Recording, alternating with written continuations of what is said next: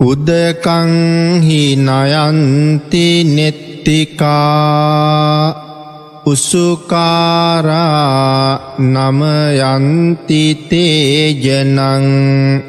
දාරුන් නමයන්ති තච්චකා අත්තානං දමයන්ති සුබ්බතාතිී සද්ධර්මශ්‍රාවක කාරුණික ගුණගරුක බෞද්ධ පින්නතුනි ධර්මදේශනාවේ මාතෘකාව හැටියට යොදාගත්ත ගාථාරත්නය මුලින් සිහිපත් කළා. උදකංහි නයන්ති නෙත්තිකා උසුකාරා නමයන්ති තේජනං දාරුන් නමයන්ති තච්චකා අත්තානං දමයන්ති සුබ්බතා කියලා. පිනතින අපේ බුදුරජාණන් වහන්සේ මේ ගාථාරත්නය දේශනා කොට වදාලි අපේ ශාසනය හිටපු සුඛ කියන සාමනේරයන් වහන්සේ සසරින් මිදෙන්ට කටයුතු කරපු ආකාරය මූලික කරගෙන. මේ ගාථාරත්නය සඳහන් වෙනවා දම්ම පද පාලී. මේ ගාථාවේ සඳහන් වෙන සරල තේරුම ගැන අපි කල්පනා කරල බැලූත් උදකංහි නයන්ති නෙත්තිකා. ගොවියෝ වැවේ ඉඳල කුඹුර දක්වා වතුර අරගෙන යනවා. ඒ වතුර බොහෝම කීකරු කරගෙන තමයි කුඹුරට අරගෙනයන්න. වේල්ලෙන් පිටට වතුරට යන්ඩ දෙන්නේ. තමන්ගේ කුඹුර දක්වාම වතුර පාර අරගෙන යනවා. උසුකාරා නමයන්ති තේජනං. හී වඩුවෝ ඊ තලය ඉතාම කෙලින් බොහොම සිවුම් විදිහට සකස් කරනවා. සිවුම් තුඩක් සහිතව ඇද ඇරලා හරි කෙලින් ඊ තල හදනවා හී වඩූ. දාරුන් නමයන්ති තච්චකා වඩු බාසුන් නැහැ ලී දඩු අරගෙන ඒ ලීවලින් කපල රැහැල විදල හරි අපූරු නිර්මාණ කරනවා ලීවලින්. ආංඒවාගේ තමයි ඥානවන්ත පුද්ගලයා වීර්යවන්ත පුද්ගලයා තමන්ගේ ආත්මය ඒ වීරියෙන් ඥානයෙන් දිනනවා. එහෙම ගාථාව භාග්‍යතුන් වහස දේශනා කරන්න මූලික හේතුව බවට පත්වෙච්ච කාරණාව අපි ටිකක් කෙටියෙන් සෙහිපත් කළොත්. එනති සුක සාමනේරයන් වහන්සේ සැරියුත් මහරහතන් වහන්සේගේ ශිෂ්‍යරත්නය. පැවිදි වෙන්නේ හත් අවුරුදු අයිසින්. පැවිදි වුණාට පස්සේ දවස් හතක් යනකම්ම පැවිදි වෙච්ච දවසිඳලා. සාමනේරයන් වහන්සේගේ දෙමව්පියූ සැරියුත් මහරහතන් වහන්සේටත් සුක සාමනේරයන් වහන්සේටත් දන් දෙනවා. හත් දවසක්ම දන්දීලා එය ඉන් පස්සේ තමන්ගේ ගෙවල් දොරවල් බලා පිටත්වෙනවා. අටවැනි දවසේ දන් දෙෙන්ඩ කෙනෙක් නැති නිසා සාමනේර හාමුදුරුවොත් අඩගහගන්න සැරියුත් මහරහතන් වහන්සේ පිණ්ඩ පාතිට පිටත් වුණා. ටික දුරක් වඩිනකොට තමයි මෙ කුඹුරට වතුරාරගෙන යන වේල්ල දැක්කේ. අවුරුදු හතක පොඩි ළමේ ඒ අවුරුදු හතක් වයිස කෙනගේ මානසිකත්වය කොහොමද කියන කාරණාව මේ හැම කෙනෙක්ම දන්නවා.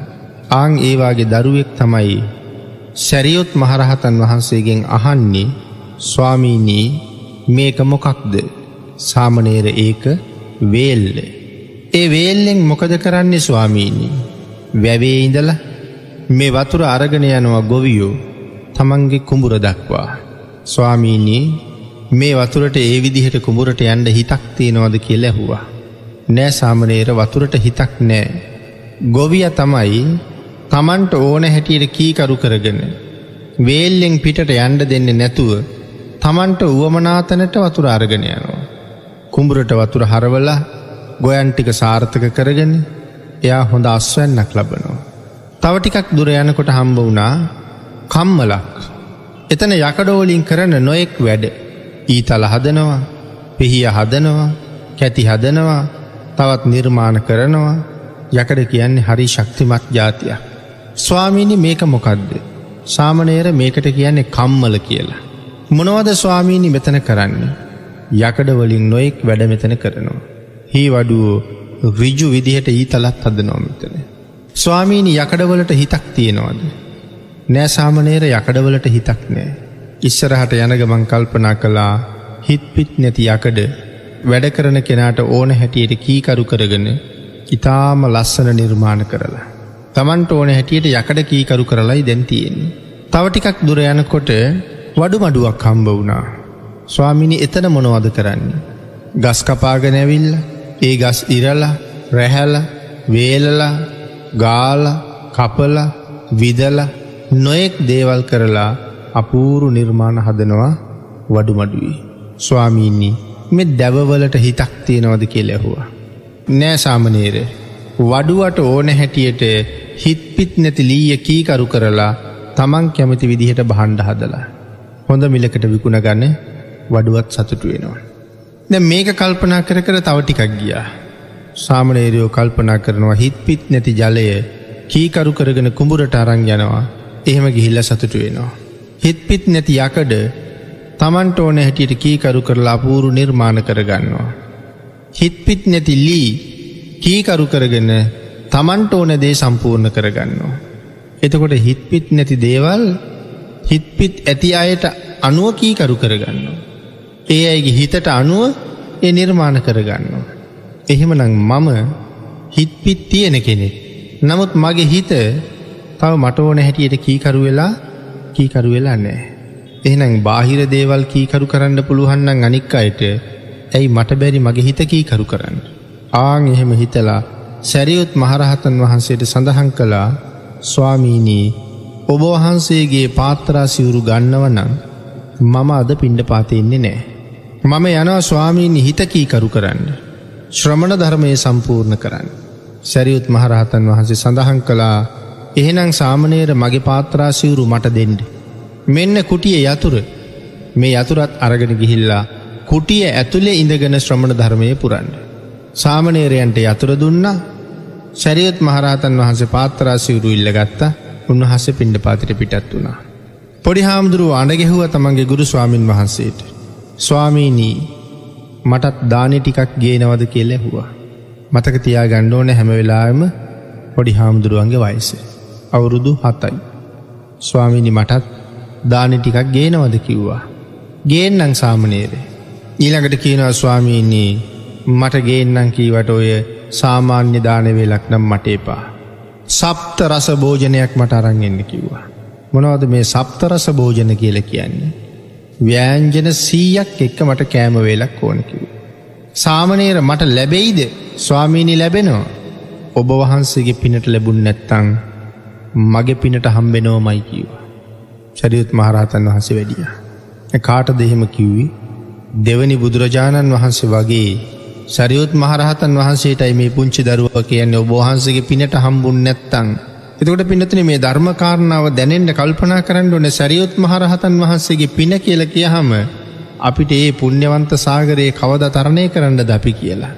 ඒ මහා කුසලේ අභිභවනය කරලා කියන්න ඔබහන්සගේ පිනට හම්බුන්නත්තං මගේ පිනට හම්බෙනවා කියලා මේ නිකම්ම නිකං වචනයක් විතරක් නෙමෙයඒක.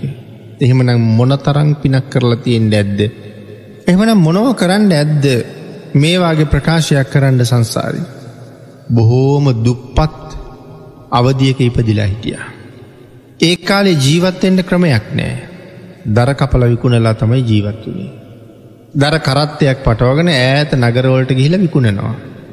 එක දවසක් දර පටවගෙන ගිහිල්ල වෙනද නතර වෙන තැනක නතර වුණා. එදා උදේ අඩ බෙරයක් යනවා.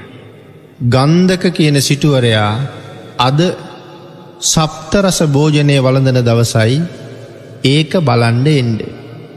ගන්ධක සිටුවරයාගේ හැමදාම කෑමවේලි වටිනාකම එකවේලක කහවනු දාහයි. පසලොස්වක දවසට එයාගේ කෑමවේලි වටිනාකම කහවනු ලක්ෂයයි. ආංගේ පසලොස්වක දවසට තමයි මෙයා වෑන්ජන සීයක් එක්ක ආහාර ගන්න. එති මේ කෑම කන දවස බලන්ඩ එන්න කියලා අඩ බෙරයක් යනවා. කහවනු ලක්ෂයක් වටිනා නාන තොටු පොලක් තියෙනවයාට. ඒ නාන තොටුපොලේ ඉඳගණ්ඩ පුටුවක් තියෙනවා ඒකත් කහවනු ලක්ෂයක් වටිනවා. මෙයාට කෑමකණ්ඩ වෙනම කුටියක් හදල තියෙනවා. සඳලු තල සහිතව ඒ කුටිය කහවනු ලක්ෂයක් වටිනවා. ඒ කුටිය ඇතුළේ මේසයක් තියල තියෙනවා. ඒ මේසෙත් කහවනු ලක්ෂයක් වටිනවා ඒව පලිංගුවලින් තමයි හදල තියෙන්නේ. ඒලකට මේසළඟ ඉඳගණ්ඩ පුටුවක් තියෙනවා ඒකත් කහවනු ලක්ෂයක් වටිනවා. ඒ මේසෙ උඩ තියෙනවා කෑම පිඟාන තියාගණ්ඩ වෙනම දරනවා. ඒකත් පලිංගු ඒකත් කහවනු ලක්ෂයක් වටිනවා. ආං ඒ දරනුව උඩ තමයි සිටුවරයා කෑම කන පිඟාන තියන්නේ. ඒකත් පලිංගු ඒකත් කහවනු ලක්ෂයක් වටිනවා. ලක්ෂයක් වටින කුටියක ලක්ෂයක් වටින පුටුවක් උඩ ඉඳගෙන කහවනු ලක්ෂයක් වටින මේසයක් උඩ තියෙන කහවනු ලක්ෂයක් වටින දරනුවක් උඩ කහවනු ලක්ෂයක් වටින පිඟානකට කහවනු ලක්ෂයක් වටින කෑමවේලක් තමයි බෙදන්න. මිනිස්සු ඒ කුටිය වටේට මෙහි ගහනවා. අට්ටාල හදනවා. හදල අට්ටාල උඩ නැකල තමයි සිටුවරය කෑම කන හැටි බලන්න. එක දවසක් අර දරවිකුණන මිනිහට ඒ ගෙදර මනුස්සයක් කිව්ව නතර වෙන ගෙදර කෙනා දැකල තියෙනවද ගන්ධක සිටු කෑම කනවා නෑ කීවා. යන්ද බලන්ඩ කිව හා යං කීවා. උදේ දරවිකුණන්ඩ යන එක පැත්තක තියලා ගියා කෑම කනවා බලන්ඩ. හැබැයි ඉතින් ළඟට යනකොට සුවඳ ඉව සණ්ඩ බෑ. ආං ඒ හින්ද අර ගෙදරෙක් කෙනාට හිමීට කතා කරලා කිව්ව මිත්‍රයා පුළුහන්නම් බත් කටක් කිල්ලලා දියන් කියලා. එයා කෑගහල සිටුවරයට කිව සිටතුමනී පිටස්තරයෙක් ඇවිල්ල ඉන්නවා පිට ගමකින් එක්කෙනෙක්. බත් කටක් ඉල්ලනවා දෙන්ඩ බෑ කිව්වා. ඉටවසිකිව දෙන්ඩ බෑ කියනවා කියලා. අනේ කොහොම හරි බත් කටක් කිල්ලල දෙන්න කිව්වා. නැවත කිව ස්වාමීන්නේ බල කරනවා බත් කටක් ඉල්ලලා.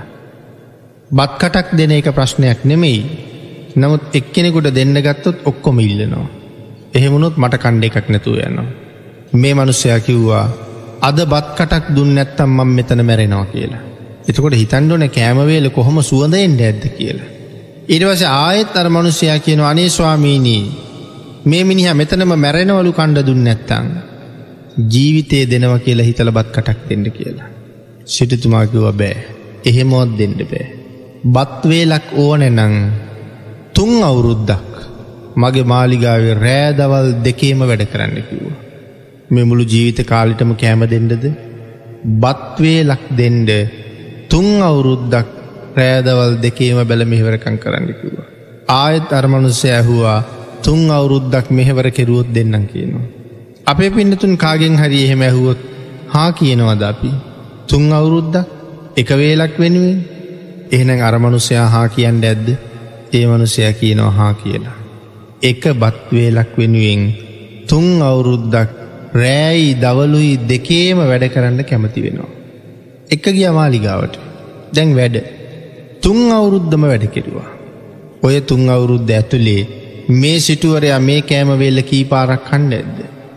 නමුත් ඒක දැන දැන ඒක දැක දැක මේක වෙනුවෙන් තුන් අවුරුද්දක් කැපවෙනවා කියලා තුන් අවුරුද්දක් රෑදවල් වැඩ කරනවා කියන කාරණාව අද අපි වචනවලින් කතා කරට වැඩේට යෙදුන හම කොහොම කොහොම තියෙන්ට ඇත්ද.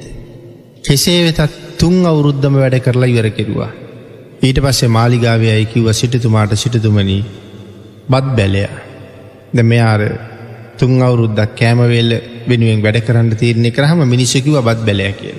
බත් බැලය තුන් අවුරුද්දක්ම හොඳට වැඩ කෙරවා. එයාගේ කියන්ට කිසිම වරදක් නෑ. අවුරුදු තුනම ඉවරයි කෑමවෙල්ල දෙන්නෝ නැනේද කියලෙහවා. හොඳයි එහෙනම් කෑමවේල හදන්ට. ඒ පුරුෂයාට කියන්න මම නාන තැනට ගිහිල්ල නාණ්ඩ කියලා. සිටුවරයාගේ සීලු අයිතිවාසිකන් දුන්නා. සිටුවරයා නාන තැන ඒ පුටුවේ වාඩි වෙලා නාණ්ඩ ඉඩ දුන්නා. නාල හොඳට අලුත් ඇඳුම් ඇඳල සැරසිලා සිටුවරය ආහාර ගන්න කුටියට යන්න කිව්වා. ලක්ෂයක් වටින පුටුවේ වාඩි වෙලා කහවනු ලක්ෂයක් වටින පුටුවේ වාඩි වෙලා කහවනු ලක්ෂයක් වටින මේ සෙව්ඩ කහවනු ලක්ෂයක් වටින දරනුව උඩ කහවනු ලක්ෂයක් වටින පලිඟු පිඟානයේ කහවනු ලක්ෂයක් වටින ආහාර වෙල දැන් වලදණ්ඩයි මෙයාට ලැබිල තියෙන. සියල්ල කරගෙන මෙයා කුටියට ගිහිල්ල දැන් ආහාර ගණ්ඩල හැත්තිය. හැබැයි මේක අබුද්ධෝත් පාද කාලය ලොවතුරාබුදුවරු නෑ. පසේ බුදුරජාණන් වහන්සල වැඩඉන්නවා. ගන්ධමාදන කියන පර්වතයේ වැඩඉඳලා සමාධියෙන් අවදිවෙච්ච පසේ බුදුරජාණන් වහන්සේ බැලුවා පිණ්ඩ පාතය වඩින්ඩනං ඕනෑ නමුත් කොහෙවත් විශේෂ ශ්‍රද්ධාවන්තයෙක් ඉන්නවද කියලා. බුදුරජාණන් වහස දැක්කෙ බත් බැලයාව. තුන් අවුරුද්දක් වැඩ කරලයි බත්වේල ලබලතියන්නේ. මං එතෙන්ට ගියොත් කේන්ති අයිද එහෙම නැත්තං ශ්‍රද්ධාවෙන් දානි පූජ කරයිද. බලල යන්න කේන්ති ගියොත් නිරේට යනවා. ළඟට ගියොත් දන් දෙනවා. හැබැයි දන්දින්නොත් ඔහුට මොන තරන් ලාභයක් ලැබෙනවාද. දැ අඩබෙරේ යවල දැන් එතකොට අද සිටතුමාද කෑම කන්නේ ඇද කෑම කන්නේ බත් බැලයා. මිනිස්සු වෙනද වාගේම රැස් වෙලා බලාගෙන ඉන්නවා. කෑම පිගානට අත තියල වලදැන්ඩ ලෑස්ති වෙනවාත් එක්කම පසේ බුදුරජාණන් වහන්සේ අර ආහාර ගන්න කුටිය ගාවට වැඩම කළා. පසේ බුදුරජාණන් වහන්සේ දිහ බලාගෙන කල්පනා කළා මට හොඳ අවස්ථාවක් උදා වුණා. මේ අවස්ථාවට යන්ඩ පුළුහන්ද කියලා අපේ අය තමන්ගේ හිතින් අහල බලන්ඩෝන. අපිට මේ කතාවනං අහගෙන ඉන්න පුළුවන්. නමුත් කෙලෙස් දිනනවා කියන එක කොයි තරං අමාරුද.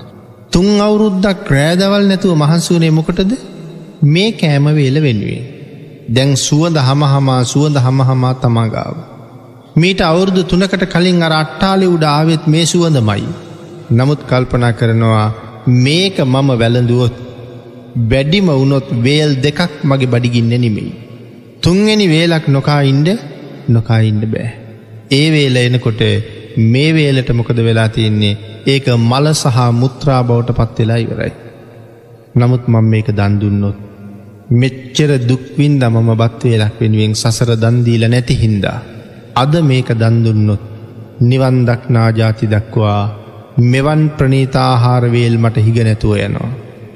නැගිට්ට වාඩි වෙලා හිටපු පුටුවෙන් ගත්ත කෑම පිඟාන දුන්න ළඟ හිටපු එක්කෙනගේ අතට දනගහල වැන්ද බුදුරජාණන් වහන්සේට කෑම පිඟාන අරගෙන ගිහිල්ල පාත්තරයට භාගයක් බෙදනකොට කිව්වා ඇති කියලා. නෑස්වාමීනී තුන් අවුරුද්දක් දුක්වින්දේ එක කෑමවේලක් වෙනුවෙන්. මේක මට විතරක් වෙන් වෙච්ච කෑමවේල එක්කෙනෙකුගේ වේල දෙන්නෙකුට බෙදන්න බෑ. මට මෙලොවින් සංග්‍රහ එපාමයි මට පරලොවටම සංග්‍රහ කරන සේක්වා. පෙර දන්දීල නැති හින්දයි තුන් අවුරුද්දක් කෑමවේලකට දුක්වින්නේ. මට නිසා පරලොවින්ම සංග්‍රහ කරන සේක්වා. මට අනු කම්පා කරලා ඉතුරු ටිකත් පිළිගණ්ඩ කිවා. භාගිතුන් වහසට සියලු මාහාරටික පිළිගැන්වා. භාග්‍යතුන් වහන්සේ වඩින්ඩ ඇරලා ඇගිලි තුඩුවලින් අහුලලා දිව අගතියල රස බලන්ඩ එක බත් ඇටයක්වත් පිඟානි තියාගත්තේ තියාගත්ත නෑ ඔක්කොම දන්දුන්න. පසේ බුදුරජාණන් වහන්සේ ඉරදියක් දක්වලා අහසට පැනනැගලා ගන්ධ මාදන පර්වතය දක්වාම වඩිනකං මිනිස්සුන්ට පේන්ඩ ඉරදිය සැලැස්සවා. මිනිස්සු බලාගෙන ඉන්නකොට අර දානපාත්තරයේ පන්සීයක් පසේ බුදුරජාණන් වහන්සේ ලටුන් වහසේ බෙදවා. ආං ඒක බලාගෙන මිනිස්සුන්ට ප්‍රීතිය දරාගණ්ඩ බැරුව මිනිස්සු සාදු කියනවා. සිටුවරය කල්පනා කළා මං කනවවාගේ කෑමවේලක් කණ්ඩ හිතාගන්න බත් බැල ඇතුන් අවුරුද්දක් වැඩ කෙරුවා. ඒක කණ්ඩ බැරුව ඇති මිනිස්සු කෑගහන්නේ එකයි කියලා. එලියට ඇවිල් බල්හම මිනිසු සාදු කියන්නේ ඇයි කියලා හපුහම සඳහන් කළා තමන්ට ලැබිච්ච බත් පිඟානේ බත් සරලුවක්වත් දිවාගතියාගන්නවත් නැතුව භාග්‍යතුන් වහන්සේට දානටික ඔක්කොම පූජ කලා කියලා. සිටිතුමාට ඇති වුණේ පුද්දුම සතුටක්. අඩගැහුව මේ පුරුෂයාට අනගහල කිව්වා ඔබ රැස්කරගත්ත කුසලය මටත් දෙන්න කියලා. ඔහු ඒ කුසල් සිටිතුමාට අනුමෝදන් කළා. සිටිතුමා කිව්වා අදින් පස්සේ මගේ දනස්කන්දය කොච්චරද ඒ දනස්කන්දයෙන් හරියටම භාගයක් උඹට දෙනවා කියලා. බලන්ට විපාක දෙන හැටි එතනම් මේ දුප්පතාට සිටුවරයාගේ දනස්කන්දයේ කොච්චරද කියලා දන්නේ ඒක කොච්චර උනත්කමක් නෑ ඒකෙන් භාගයක් භාගයක් මේ පුද්ගලයට දුන්න. රජ්ජුරුවන්ටත් මේ කාරණාව ආරංචුනා. රජ්ජුරුවොත් මේ පුද්ගලයට එන්න කියලා රජ්ජුරුවොත් සඳහන් කලා අද දවල් රැස් කරගත්ත පින මටත් අනුමෝදන් කරන්න කියලා. රජ්ජුරුවන්ටත් අනුමෝදන් කළා. රජ්ජුරුව ආං එදා මේ පුද්ගලයට සිටු තනතුරක් ප්‍රධානය කළා. දැම් බත්ත පටික සිටානු බත් බැලයන දැම් බත්ත පටික සිටාන. බාන්ඩ දන්දීපු දවසම වෙච්චදේ අත්ති සුකට දුක්කටානං කම්මානම් පළං විපාකූ. තමන් විසින් සිදු කරන්නා වූ හොඳ නරක ක්‍රියාවන්ගේ ප්‍රතිඵල තමන්ටම ලැබෙනවා. කොතනද මේ කාරණාව සඳහන් වෙන්නේ දස වස්තුක සම්මාධිට්ටියේ හතරවෙනි කාරණාව. මතකද කාරණාව අත්ති සුකට දුක්කටානං කම්මානං පළංවිපාකු. තමන් විසින් සිද්ධ කරන්න වූ සැපදුක්වල කියල කියන්නේ හොඳ සහ නරක පින් සහ පව් දේවල්වල විපාක ඒ විදිහටම ලැබෙනවා. අපි මේ ලෝක කරන හොඳවල විපාක වෙනම ලැබෙනවා වැරදිවල විපාක වෙනම ලැබෙනවා. එහෙමනං අපි කරන යහපත් දේවල් යහපත් විදිහට පල දෙනවා කියන කාරණාව අපිට දරන්ඩ පුළුහන්ද කියලා අපි අපින් අහල බලන්ඩෝන්නේ. මෙහෙම කළොත් මෙහෙමයි. මේ විදිහට කළොත් මෙහෙමයි. මෙහෙම හැසුරුණොත් මෙහෙමයි. එව්වගේ ආදීනව මේ මේ විදිහට ලැබෙනවා. ධර්මය ඒක දේශනා කරලා තියෙනවා. එහෙනම් අපි මෙහෙම කරල බෑ. එහෙනම් අපි මෙහෙම ඉඳල බෑ. අපි ඉන්ඩෝනෙ මේ විදිහටයි. කාරණාව දැනගත්ත හම අපිට හිතෙනවද ජීවිතය වෙනස් කරගන්න. මේවාගේ කරුණු අහන්නේ භාග්‍යතුන් වහන්සේගේ ධර්මයෙන්. බනක් අහල නැගිටිනකොට ඉඳගත් අයට වඩා හාත් පසින් වෙනස් වෙච්ච පිරිසක් තමයි නැගිටින්ඩෝනේ. එහෙමනම් අදත් තීරණය කරන්න ඕනෑ හොඳවල විපාක වෙනම ලැබෙනවා නරකවල විපාක වෙනම ලැබෙනවා එහෙනම් අපි නරක නොකර අපි හොඳටම ජීවත්වෙන්ට උත්සාහ කරමු. ඒක අද ටිකක් අමාරුයි නමුත් ඉස්සරහට ඒකෙන් හම්බෙන ලාභය මෙච්චරයි කියල කියන්ඩ කියන්ඩ බැරි තරම්. දසවස්තුක සම්මාධිට්්‍යය ගැන මුතුවෙන් කරුණු සඳහන් කරන්න අවශ්‍ය නෑ අපි බෞද්ධ එනම් මේ දසවස්තුක සම්මාධිට්්‍යිය අපි විසින් නිරන්තරයෙන්ම දරන්ඩෝන. පිනතන තිසරණ කෙනෙක් තිසරණ සරණ යනවා කියල කියන්නේ. දැන් අපිට මේ දසවස්තුක සම්මාධිට්්‍යය ගැන කියන්න ඕනෙ නෑ. අත්ති දින්නම් අත්ති ඉට්ටන් අත්ති හුතන් අත්ති සුකට දුක්කටානං කම්මානම් පළං විපාකෝ අත්ති අයං ලෝකෝ අත්ති පරෝලෝකෝ අත්ති මාතා අත්ති පිතා අත්ති සත්තා ඕපපාතිකා මේ ආදී වශයෙන් මේ කාරණා දහය වචනවලින් නොකීවට තිසරණ පිහිටනවා කියල කියන්නේ මේ කරුණු දහය සැක නැතුව පිළිගන්නවා කියන එකයි. හරියට කෙනෙක් තිසරණ සරණ ගියාට පස්සෙනයා බෞද්ධයෙක් කියල කියන්නේ. බෞද්ධයෙක් වනා කියල කියන්නේ මේ කරුණු දහයම පිළිගත්ත කියලා. මේ කරුණු දහය පිළිගණ්ඩ බැරිනං තාම ඔහු බෞද්ධ වෙලා නෑ. හැබැයි ඒ කාරණාව හරියටම කල්පනා කරලා බැලුවොත් තමන්ටම හිතාගණ්ඩ පුළුවන් මන් තාම බෞද්ධ වෙලාද නැද්ද කියලා. අපි අතර තව ඕන තරන් ඉන්නවා දුන්නහම ඊට වඩා ලැබෙනවා කියන එක පිළිගණ්ඩ කමැතියි. ඒහින්ද දන් දෙනවට කැමති නැති අය ඕන තරන් මිනිස්සු අතර ඉන්නවා. ඒ විතරක් නෙමෙයි මැරිලා ඉප දෙනවද කියන කාරණාව පිළිගන්නේ නැති ඇත්තින්නවා. සම්මා සම්බුද්ධ ශාසනයේ දොරකඩටවත් අව පයිතයා ගැන්ඩ බැරිවෙච් අහිංසකව. නමුත් හරියට තිසරණ සරණ ගයා කියල කියන්නේ මේ කාරණා දහය එහෙම්මම එහෙම්මම දරනවා.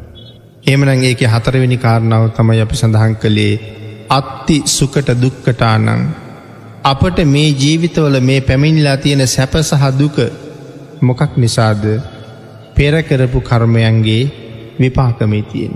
සමහරයි සතුටින් ඉන්නවා සමහරය දුකෙන් ඉන්නවා. මේකට හේතුව පෙරකරපු පෙරකරපු කර්ම. එහෙමනං ඒකරපු දේවල් විපාක දෙනවා කියන එක පිළිගන්න එක සම්මාධිට්්‍යයක්. එහෙමනං පින්නතින අබුද්ධෝත් පාද කාලයක ඉපදලා හිටපු මේ මනුස්සයා ඒ කාරණාව හොඳට දන්නේ නැද්ද. දන්න හින්දන තීරණය කළේ මං මේක කෑවොත් එක වේලයි නමුත් භාග්‍යතුන් වහසට පූජා කිරුවොත් නිවන් දක්නා ජාති දක්වාම මට ප්‍රනීතාහාර අඩුනැතුව යනවා. මේක දුන්නහම මට මීට වඩා මීට වඩා ලැබෙනවා කියන සම්මාධිත්‍යය ඒ මනුස්සයගාව ඒ පුද්ගලයගාව තිබ්බා කාගෙන් බනහලද පසේ බුදුරජාණන් වහන්සේගෙන් බනහලා ඔවුන් ඒ අවබෝධ කරල තිබුණ. නමුත් මේක පසේ බුදුවරු වැඩඉන්න කාලයක් නෙමෙයි. එදා එහෙම අවබෝධ කරන්න පුළුවන්නන් මෙදා ඉන්න අයට කොහොම අවබෝධ කරන්න බැරිවෙන්ඩෝ නැති. නමුත් තාමත් එහෙම සැකතියෙන අය ඉන්නවා. දැන් ඒන අරයට දානෙදීල හැරෙනකොටම ලැබුණා. පුද්දු මාකාර ශ්‍රද්ධාවක් නැත්තං ඒකයි මම කිවේ තුන් අවුරුද්දක් වැඩ කරලා ගත්ත කෑමවේල එක බත් සරලුවක් දිවාගතියල රස බලන්ඩ හිතෙන් නැතිවෙන්ඩ මේක ඔක්කොම දන් දෙන්න ඕන කියල හිතෙන්ඩ මොන්න තරන් අත්හැරීමක් තියෙන්ඩෝ නැති. අපේ පිනතුන් කල්පනා කරන්නකෝ අද බනාහල යන ගමන් ලොතරැයියක් කරගන්නවා. අනපේක්ෂිත විදිහට මුළු ජයමල්ලම හම්බ වෙනවා. හෙට හිතෙනවද ඊය බනාහල එන ගමන් තමයි මේක ගත්තේ ඊය බණට කීවෙත් මීට සමාන කතාවක් මට එපා මේ හම්බ වෙච්ච කෝටිගාන මේ කෝටි ගානම මන් දන් දෙනවා එක සත පහක්වත් තියාගන්නෑ කියන තැනට එන්ඩ අපිට පුළුවන්ද. ආං එතෙන්ට ගිහිල්ල තර්ක කරන්න ඕන පුළුවන්ද කියලා. අපේ ගෙදර තියෙනවා දෙන්ඩ හම්බුණොත් ඔක්කොම දෙනවා. මොකවත් තියාගන්නේ. උයලා උයලා උයලා උයලා දෙනවා තවත් එනවා එනවනං ඉතුරු නොකරම උයනවා. පිනතින අපිට එහෙම හිතෙන්නේ ඇයි. බයහිතෙනවා මට ජීවත්තෙන්ට බැරිවේද කියලා. ආංගේ හින්ද ටිකක් ඉතුරු කරගෙන තමයි දන් දෙෙන්ට හිතෙන්නේ. ආං ඒ චේතනාවළඟ තාමලෝභය තාමලෝභය තියෙනවා නෑ හෙට කණ්ඩ නැතුව මැරුණත්කමක් නෑ අද තියනෙව්වා ඔක්කොම දෙනවා කියලා දෙන්න පුළුවන් හිතක් හදාගත්තොත් හැබැයි ඔවුන්ට කණ්ඩ නැතුව මැරෙන්ඩ වෙන්නෙත් මැරෙන්ඩ වෙන්නෙමත් නෑ. ආන්ගේ කාරණාව හොඳට දරන්ඩ පුළුවන් වෙන්ඩුවන්. සංසාරය වෙනත් කරුමයක් හේත්තු වෙලා එහෙම ප්‍රශ්නකට මූුණ පාණ්ඩ පුළුවන්. නමුත් මේ ශ්‍රද්ධහාසිත කවදාවත් අපි එතින්ට ඇදල දාන්නේ ඇදල දාන්නේ නෑ ආං එහෙම අත්හැරීමකට අපිට යන්න පුළුවන් කියල බලන්නුවම. එතකොට ආං එදා බත්වේල දන්දුන්න කෙනා තමයි මෙදා සුක සාමනේර. ආංගේ බත්වේල දන්දුන්න කෙනා තමයි සැරියුත් මහරහතන් වහන්සේර කියන්නේ ස්වාමීනී මට සප්ත රසභෝජනයක් කරන්න වැංජන සීයක් එක්ක මට කෑමවෙලක්ගේෙන් ඔබ වහන්සේගේ පිනට හම්බුන් නැත්තම් මගේ පිනට හම්බ වෙනවා. මොකදද මගේ පින එදා පසේ බුදුරජාණන් වහන්සේට සප්තරස භෝජනයක් දන්දුන්න දන්දුන්න පින. සුක සාමනීරයෝ කුටි ඇතුළට ගිහිල්ලා තමන්ගේ පාන්සුකූලේ බිම එලලා ශ්‍රමණ ධර්මය සම්පූර්ණ කරන්න වාඩි වෙනකොට සක්‍රදේවේන්දරයන් වහන්සේට දැනුන එක. දැනිල බැලුවා කෞද මනුස්සලෝක මේ තරම් ගුණපුරන්ඩ ලෑස්තිවෙන්න. පණ්ඩිත සාමනීරයෝ ගුණපුරන්ඩයි ලෑස්තිය කතා කෙරුව සතරවරං දෙවියන්ට යන්ඩ සැරියුත් මහරහතන් වහසගේ කුටිය ළඟට කුරුල්ලු කොබෙයූ හරියට ඉන්නවා ඒගොල් ලොක්කොම පන්නන්ඩ සාමනේරයන්ට බාධා කරන්න දෙන්න පා කියලා. සතරවරං දෙවී ඇවිල්ල සියලුම කුරුල්ල කොරබෙයෝ ලේන්නු එලෝලා රෑහිවූ පන්නලා ගහක ඉදිච්ච කොලයක් බිමට වැටෙන හඬක්වත් ඇහෙන්ඩ දෙන්නැතුව ඒ ප්‍රදේශයේ නිශ්ශබ්ද කළා. සක්‍ර දේවේන්ද්‍රයන් වහන්සේ කතා කලා හිරු දෙවියන්ට කතා කරලකිව සූර්ය මණ්ඩලය ඔතනම නවත්තන්ඩ සඳ දෙවියන්ට කතා කරලකිව චන්ද්‍ර මණ්ඩලය ඔතනම නවත්තන්ඩ. සක්දිය දුත් ඇවිල්ලා දොරකඩ ආරක්ෂාවට හිටගත්තා. සුක සාමනීරයූපුටිය ඇතුළි. අපේ බුදුරජාණන් වහන්සේදා කල්තියන් පිණ්ඩ පාති වැඩලා මේ කාරණාවත් භාගිතුන් වහසේ දන්නවා භාගිතුන් වහස බැලුවා සාමනේරයෝ රහත් භාවයම උදේවරු විශ්ෂූ පලේම ලබනවද එහෙම නැත්තං උදේවරුවේකට බාධාවක් තියෙනවාද. එහෙම බලහම සෝවාන් සකදාගාමි අනාගාමි කියන තැනට එනවා අර්හත්වෙන්නේ. රහත්වෙන්න කලින් සැරියුත් මහරහතන් වහන්සේ දානය අරගෙන. ඇවිල්ල කතා කරහම රහත්වෙන්නේ නෑ අනාගාමී බවින් නැගිටිනවා. අපි භාගිතුන් වහසේ භවය කියන කල්ප මාත්‍රයක්වත් අගේ කරන්නේ අගේ කරන්න නෑ. මහනිනි අසූචි කියන ජාතිය හුඟක් තිබුණත් දුර්ගන්ධයි ටිකක් තිබුණත් දුර්ගන්ධයි එහින්ද එක මොහොතකටවත් මං භවයාගේ කරන්නේ අගේ කරන්නේ නෑ. ඒහින්ද සුක සාමනේරයෝ අද දං වලදන්ඩ ඕනේ රහත් වෙලා මයි කියල භාගිතුන් වහස තීරණය කරලා බුදුරජාණන් වහස වැඩිය සැරියුත් මහරහතන් වහන්සේ කුටිය ළඟට. වැඩල හරියටම දොර අරින්ඩ බැරිවෙන්ඩ දොරගාව භාග්‍යතුන් වහසගේ පාන්සුකු ලේලලා භාගිතුන් වහස වැඩ හිටිය. සැරියත් මහරහතන් වහසේට සප්ත රස භෝජනය ලැබෙනවා. උන්වහන්සේත් වලඳලා ඉතුරුටි අරගෙන ඇවිල්ලා එනවා දකිනකොට බුදුරජාණන් වහසේ ඈතින් කතා කරලා ප්‍රශ්න හතරක් අහනවා. ඒ ප්‍රශ්න හතරට සැරියුත් මහරහතන් වහන්සේ උත්තර දෙනවා. ඒ ප්‍රශ්න හතරට උත්තර දෙන කාරණාව අහගනිදලා සුක සාමනේරියෝ කුටිය ඇතුළේ සව් කෙලෙස් නසල රහත්වෙනවා. බුදුරජාණන් වහන්සේ ඒ වෙලා විසරියුත් මහරහතන් වහන්සට සඳහන් කළා සාරිපුත්ත සාමනේරයන්ට වෙලා යයිධාන පිළිගන්වන්නට කියලා. නමුත් සාමනේරයන් වහස දන්න මගේ ආරක්ෂාවට එලීකී දෙනෙක් හිටියද කියලා. ශරියුත් මහරහතන් වහන්සේ ඇතුළට ගිහිල්ලා සාමනේර දානය වලදන්ඩ කිව්වා. හැබැයි ශරියුත් මහරහතන් වහන්සගේ ඇගෙන් දාඩිය මතුවෙනවා. ඇයි දානටි අරගෙන ඉක්මනට ඉක්මනට ඇවිල්ලා. උන්වහස දන්නෑ හිරුමඩලයි සඳමඩලයි නැවතිලා තියෙන්නේ කියලා. සුක සාමනේරයෝ වටහපතක් කරගෙන පවන් සලනවා. සාමනේරය දැන් වලඳලා ඉන්න. ස්වාමිනි ඔබහන්ස වැළඳවාද මං වලඳලා ඉන්න. උන්වහන්සේ දාන වලඳලා පාත්තරය හෝදලා තියෙනවත් එක්කම. හිරු මඩල යායුතු තැනට ගියා හඳ මඩල යායුතු තැන්ට ගියා භාග්‍යතවනහස කෙලින්ම භාගිතුන් වහසි වඩින තැන්ට වැඩියා. සතරවරං දෙවිය තමන්ගේ විමානවලට ගියා සක්දීන් තමන්ගේ දිවිය ලෝකෙටම ගියා. අවදියෙන් සිහියෙන් කල්පනාවෙන් හිටපු ස්වාමීන් වහන්සේලා හෙවනැල්ල වෙනස් වෙනකට මොකක්ද කියලා කාරණාව හොයලා සුක සාමනේරයන්ටත් චෝදනා කලා පණ්ඩිත සාමනේරයන්ට වගේම හිරු මඩලයි සඳ මඩලයි නවත්තගෙන අවේලා විදං වෙළඳුවක් කියට. ආංගේ කාරණාවට අපේ භාගිතුන් හස උත්තරයක් දෙනවා ඒ උත්තරේ දුන්න ගාථාරත්නය තමයි මුලින් සඳහන් කරපු ගාථාව.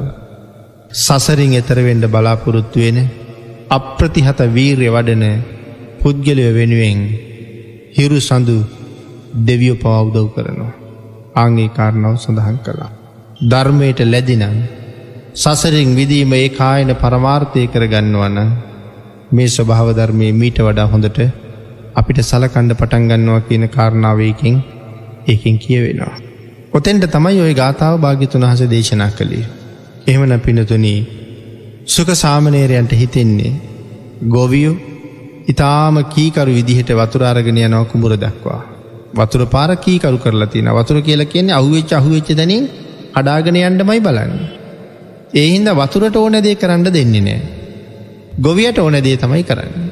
කඩාගෙන යන්ඩ ගියොත් ඉක්මට බඳිනවා. එහෙම කරලා කුඹුරට හරංයන්න. අපේ හිතත් අපි හොඳට සකස් කරගෙන අදනං සිල් සමාදන් වුණා හැන්දෑ වෙනකං මේ සීලය හොඳට ආරක්ෂා කරනවා කියලා පූර්ණ අධිෂ්ඨානය කරගෙන තමයි සිල් ගත්තේ. නමුත් හිතල බලන්ඩකු සිහි මදිහින්දා හැන්දෑ වෙනකොට උදේ සමාදන් වුණා වගේම සිල් පද ටික පිරිසුද කියලා. දෙතිස් කතාවක්වත් ඇවිල්ල නැද්ද නාවනං කොච්චර හොඳද. නමුත් තවත් කෙනෙක් එක්ක කතා කරන්න ගියොත් නං නොදැනීම දෙතිස් කතාවකට යනවමයි. ඒකන දේශනා කළේ සිල්ගත් හම පුළුවන් තරං කතානු කර ඉන්න කියලා. කතා කරනවනක් ධර්ම කාරණාව. ඒම නැත්තං පැත්තකට ගියා බුදුගුණයක් සිහිපත් කර කර කාලිගත කළා. කතා කරන්න ගියොත් නං දෙතිස් කතාවන්ට වැටිනවමයි ඒකෙන් රැකෙන්ඩයි ධර්මසාකච්ඡාවක් කරන්න කිවී. ඉතින් උදේනං අධිෂ්ඨාන කළා පැවිසි හතර මද සිල් අරගෙන හෙට උදේ තමයි ගෙදර යන්න කියල. හැබැයිඉතින් හවස් කාලි වෙන්ඩ වෙන්ඩ නොයෙක් ප්‍රශ්න ඔලුවට ගොඩ වෙලා ගොඩ වෙලා ගොඩ වෙලා ගොඩ වෙලා අන්තිමට හැන්දෑවි සිල් පවර්ණය කරලා යන තැනට එනකං අපේ හිත බලපෑම් කරන්න නැද්ද කියලා හල් බලන්ඩෝන. පිට පැත්තෙන් ආපු කෙලෙස් වේල්ල කඩල වතුරටික එලියට දානෝමයි. ආරක්ෂා කරන්න බලාපොරොත්තු වෙච්ච සිල්ටික මගදි බිඳිනවමයි ආංහෙම බිඳගන්න නැතුව පොරොන්දු වන විදිහටම සිල්ටික ආරක්ෂා කරගෙන විච්චි හත්තර පැය ගත කරන්න පුළුවන් වෙනවද කියලා අපි හැමවෙලාම හිතන් ඩෝන හිත කීකරු කරන්න පුළුවන් වුණාද. යකඩ කීකරු කෙරි හරි අමාරුවෙන් මේ හිතත් පහසුවෙන්නම් කීකරු කරන්න බෑ. වතුර පහසුවෙන් කීකරු කරන්න බෑ අහුවෙච්ච අහුවෙච්ච පැත්තට යනවා. යකඩ පහසුවෙන් නමන්ඩ බෑඒක හරි අමාරු වැඩ. නමුත් ගොවිය වතුරත් අරංයනවා කුඹුරට අම්මල්කරුව යකඩත් තමන්ට ඕන හැටියට නමනවා. කොච්චර අමාරු නත්තේ වැඩි කරනවා. වඩු බාසුන් හැත් ඒකම තමයි කරන්න. එහෙම නං සුක සාමනීරයෝ කල්පනා කළේ මම විසින් මගේ හිත දිනන එක කොච්චර හොඳද. අපි විසින් අපේ හිත දමනය කරගන්න එක කොච්චර වටිනවාද. මේ හිත දමනය කරගණ්ඩ බැරුවගිය පාලනය කරගණ්ඩ බැරුවගිය කොයි තරම් භයානක දේ තත්ත්වය අදනං මෙහෙම ඉන්නවා තමයි. හැබැයි මතක තියා ගණ්ඩෝන අපි තාම හිතට වහල් කියලා. තව කෙනෙකුගේ වහලෙක් කියලා කිව්වොත් අපිට කේන්ති යනවා. හැබැයි දන්නෙම නැතුව අපි පස් දෙනෙකුට වහල් වෙලයින්න. කාටද වහල් වුණේ ඇහැට වහල් කනට වහල් දිවට වහල් කයට වහල් නාසේට වහල් මනසටත් වහල් එහමනැත්තං මනස ගැන නොකීවත් මේ හැම ඉන්ද්‍රියක් සම්බන්ධවම මනස සම්බන්ධ වෙලා සම්බන්ධ වෙලා තිය. එනම් මේ ඉන්ද්‍රියන් ඔක්කොටම අපි වහල් වෙලයින්න. ආං එහෙම වහල් වෙලා ඒ ඉන්ද්‍රියන්ගේ ඕන ඇපාකං සම්පූර්ණ කර කර සම්පූර්ණ කර කර ජීවත්වෙනවා. ඉල්ලන ඉල්ලන පැත්තට නැමෙනවා. කියන කියන දේට ඔළුව වනනවා. හැබැයි බලහම හුඟක් නැමිල තියෙන්නේ හොඳ පැත්තට නෙමෙයි වැරදි පැත්තට. මේ උපාදානස්කන්දය හින්දා අවුරුදු කෝටි ගානක් ඔබාපායි හිටිය. ඔය හිත හින්දා අවුරුදු කෝටි ප්‍රකෝටි ගානක් අපායි හිටියා. ඔබත් හිටිය මමත් හිටිය. තිරිසන් ලෝකෙත් හිටිය ප්‍රේත ලෝකෙත් හිටිය අසුර ලෝකෙත් හිටියා හැබැයි දිවිය ලෝකවලත් බ්‍රහ්ම ලෝකෝලත් හිටිය නෑ කියල කියනවා නෙමෙයි අපි ඒ තැන්ගොලත් හිටිය. වැඩිපුර ඉන්ඩ ඇත්ති දුක්විඳින තැන්ගොල. මොන්න තරන් දුක්විඳින තැන්ගොල ඉන්ඩ ඇත්. වැසිකිලි වලවල්ල පනුව වෙලා අසූචි ගොඩවල්වල පනුව වෙලා කුණු කානුවල පනුව වෙලා මහපොළොවෙ පනුව වෙලා ඉහෙන්ඩ මැස්ව වෙලා කෝඳුරුව වෙලා මදුරුව වෙලා අපි කොයි තරං දුක්කිත ජීවිතනං ගත කරන්න ඇද. මේ සංසාරය එහෙම ජීවිත හම්බ වනේ නෑ කියලා කොහොමක් කියන්න පුළුවන්කමක් නෑ. අසූචි ගොඩක් උඩ වහලයින ඉහදෙව් මැස්ස ගොඩක් දැක්ක හම අද ඇති වෙන්නේ පුදුම පිළිකුලා. ඉහන මැස්සු ඒක වහලා බොහොම ආසාාවෙන් ඒක කනවා. හැබැයි ඒක දැක්ක හම අපිට ඇතිවෙනවා පිළිකුලා. ඒ වුනාට මතක තියාගණ්ඩුව නෑ මමත් ඉහෙන මැස්සෙක් වෙලා මේවාගේ අසූචි ගොඩවල් වල කී කාලයක් ලගින්ට ඇද්ද කිය. දැන් මේ වෙනකොට ඔබත් මමත් එතන නෙමේ ඉන්නේ. අපි ඉහෙන බස්සක තැනත් නෙමේ ඉන්නේ අපි මදුරුවාගේ තැනත් නෙමේ ඉන්නේ අපි පණුවගේ තැනත් නෙමෙයි ඉන්නේ. එන තිරිසන් ලෝකෙත් නෙමේ ප්‍රේත ලෝකෙත් නෙමෙයි අසුර ලෝකෙත් නෙමෙයි නිරයෙත් නෙමෙයි ඉන්නේ බොහොම හොඳ ස්වර්ගය කපින්නේ මනුසලෝක කියල කියන්නේ හොඳ සුගතියක්. බොහෝ කුසල් වර්ධනය කරගණ්ඩ පුළුවන් තැනක් මනුස්සලෝකී. දැන් මෙතන ඉඳල කල්පනා කරන්න ඕනෑ අර අසූචි ගොඩේ ඉන්න ඉහෙට බැස්ව දැක්ක හම පිළිකුල් හැබැයි මමත් ඔතන හිටියා ආයෙත් ඔතෙන්ට යනවද කියන එක තමයි මෙතනදි තීරණය කරන්න තියෙන. බලාගෙන ගිය හම අපි අපිට අවංකෝ අපි ගැන කල්පනා කරලා බැලුවොත්. වැඩි ප්‍රවණතාවයක් තියෙන එහෙ අන්ඩ මිසක් මෙතනින් ගිහල යන්ඩ නෙමෙයි. එහාට යන්ඩ කැමති නැත්තං විශේෂයෙන් සිල් ආරක්ෂා කර ගණ්ඩෝනේ. ආං ඒ සීලේ තමයින්න උපදින තැන තීරණය කරන්න. අපි සියලු දෙනාගේම ඊළඟ උපදින්න කොහෙද කියන කාරණාව තීරණය වෙන්න මේ සීලයත් එක්ක. සිල් කියන කාරණාව අමතක කරලා අනිත් ඔක්කොම කරන්න පුළුවන්. මේ වස්සාන කාලි කොච්චර පින්කං කරන්න පුළුවන් කාලයක්ද. කොයි තරං වටින කාලයක්ද වස්සානය කියල කියන්නේ. අතීත දායකයා ස්වාමින් වහන්සේට වස්සාරාධනා කරගෙන තුම් මාසම සිල් සමාදන් වුණා. සමහරය මාස දෙකක් සමහරය මාසයක් සමහරයි පාලුස් දවසක් සිල් සමාදන් වුණා. එවට කියන්නේ ප්‍රාතිහාරි පක්ෂයේ සිල් කියලා. එහෙම සිල් රැකගෙන උදේට හවසට එමින් වත් පිළිවෙත් කරමින් ඇපඋපස්ථාන කරමින් දායක පාර්ශවය රැස් කරගත්තේ අප්‍රමාණ කුසලයක්. හැබැයි සිල් සමාදන් වනා කියන කාරණාව විශේෂයම සඳහන් කළා. නමුත් වර්තමාන ඒ කාරණාව සෑහින්ඩ වෙනස් වෙලා දායකයෝ බලාගෙන ඉන්නේ තුම්මාසි වෙරවිච්ච හම අපි පින්කම කරන්න කියන තැනටෙන්ට. ඒක ඒ තරන් ලොකු ප්‍රයෝජනයක් නෙමෙයි වස්කාලි. ඒක වස්කාලෙ දවස් අනුවක් ගෙවිල ගිහිල්ල තියෙනවා දළ වශයෙන් බලහම අපි පින්කමක් කරන්න ලෑස්ති වෙන්නේ එක දවසයි. දවසව අනුවක්ම ගෙවිල ගියා. අර අන්තිම දවස් ඇතැරල ගියාට කමන්නෑ එතෙක් කරන්න පුළුහන්ටික කරගත්තන. එහෙනම් ඒ වස්සානයේ මයි මේත්තින්නේ. මොන තරං කුසල් රැස් කරගන්න පුළුවන් කාලයක්ද. ආංගේ කුසල්ටික අත්පත් කරගණ්ඩ අපි ප්‍රඥාවන්ත වෙන්ඩුවන. සමහර වෙලාවට තුම්මාසි අන්තිම වෙලා අපි කරන මහ පින්කමය ඒ පින්කමත් හොඳට කරන බව ඇත්ත ඒ වනාට පින්කම කරන අපි පන්සිල් මතවත් පිහිටන්නේ නැතුව තමයි ඒ පින් කරන්න. පින්කම මහත්ඵල මහානිසංස වෙනවද එක මහත්ඵල මහානිසංසදායක වෙන්නේ. නමුත් හිතේ තියාගෙන ඉන්නවා ම මෙච්චරක් වියදන් කරලා කටිනයක් කලා කියලා. ඒකෙන් රැකවරණයක් නෑ සිල් තිබ්බ නැති හින්දා මැරිලගිහිල්ල උපදින්න වෙන්න තිරි සංහපායි. දෙහෙනම් වෙන්ඩෝනේ මේ ජීවිතය ඉවර වෙනකොට ආය තිරිසනෙක් වෙනවා කියන කාරණාව නතර කරගණ්ඩ කටයුතු කරන්නයි මේ සිල්ලා ආරක්ෂා කරන අපිට වටින්නේ. ඇහැ ඉල්ලන රූපයේ ඇහැට දෙඩ ගිහිල්ලා මට කොච්චර කෙලෙස් රැස්සුනාද. කනේ ආහාරයේ ශබ්දය එයාට ඒටික දෙඩ ගිල්ල මට කොච්චර කෙලෙස් රැස්සුනාද. දිවේ ආහාරය හොයල දෙඩ ගිහිල්ලා අපිට කොච්චර කෙලෙස් රැස්සුනාද. මේ කරුණු භාගිතුන් වහස වෙන වෙනම වෙන වෙනම පැහැදිලි කරනවා එකක් එකක් ගන්න. අපි කොයි තරන් කෙලෙස් සහ පවු රැස් කරගත්තද. එහනම් මේ ඉන්ද්‍රියන් අරමුණු කරගෙන අපි අනුභව කරලා තියෙන්නෙම විෂ පිරිච්ච දේවල්. එනම් මේ අයත් කොයි වගේද විෂපිරිච්චකේ ගෙඩියක් වගේ. ආංගේ හින්දා පාලනය කරගණ්ඩ බැරිවෙච්ච හිත හැම වෙලාම සත්වය ආරගෙන ගිහිල් තියෙනෙ නිරේට. හැම වෙලාම සත්වයා සතරාපායට. ආංගේ හින්දා පණ්ඩිත ජාතියක ඉපදිලා ඉන්න අපි හොඳට හිතක් තියෙන අපි අපේ හිත කීකරු කරගත්ත දවසට. තමයි අපට සතුටු වෙන්ඩ පුළුවන් දවස්.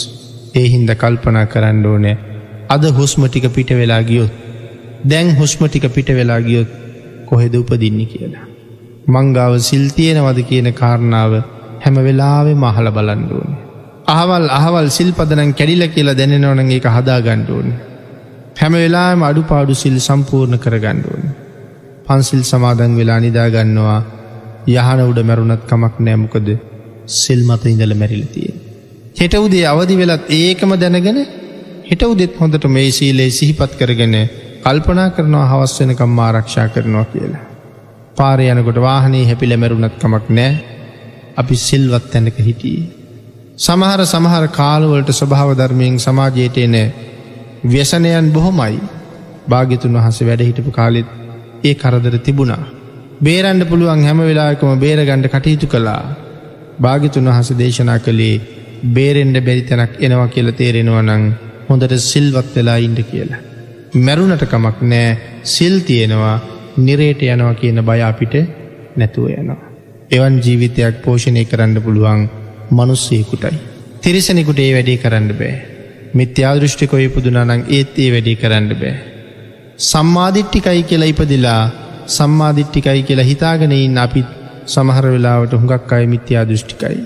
ආංගේ කරුණු හොඳට දැනගෙන නිර්මල ධර්මයෙන් ඒ කාරණා අවබෝධ කරගෙන මම සම්මාධිට්ටිකද මම මිත්‍යා දෘෂ්ටිකද කියන කාරණාව හොඳට තමන් එක තර්ක විතර්ක කරලා මගේ සරණ තියෙනවද මගේ සරණ බිඳිලද මට භාගිතුන් වහස සැකද නැත්තං හරියටම මන්තිසරණ සරණ ගියපු කෙනෙක්ද හරියටම සරණ ගියානං මං මේ සංසාරය ආරක්ෂා සහිත පුද්ගලයෙක් මයි කියන සතුට අපිට නිරන්තරයෙන් උපදිනවා.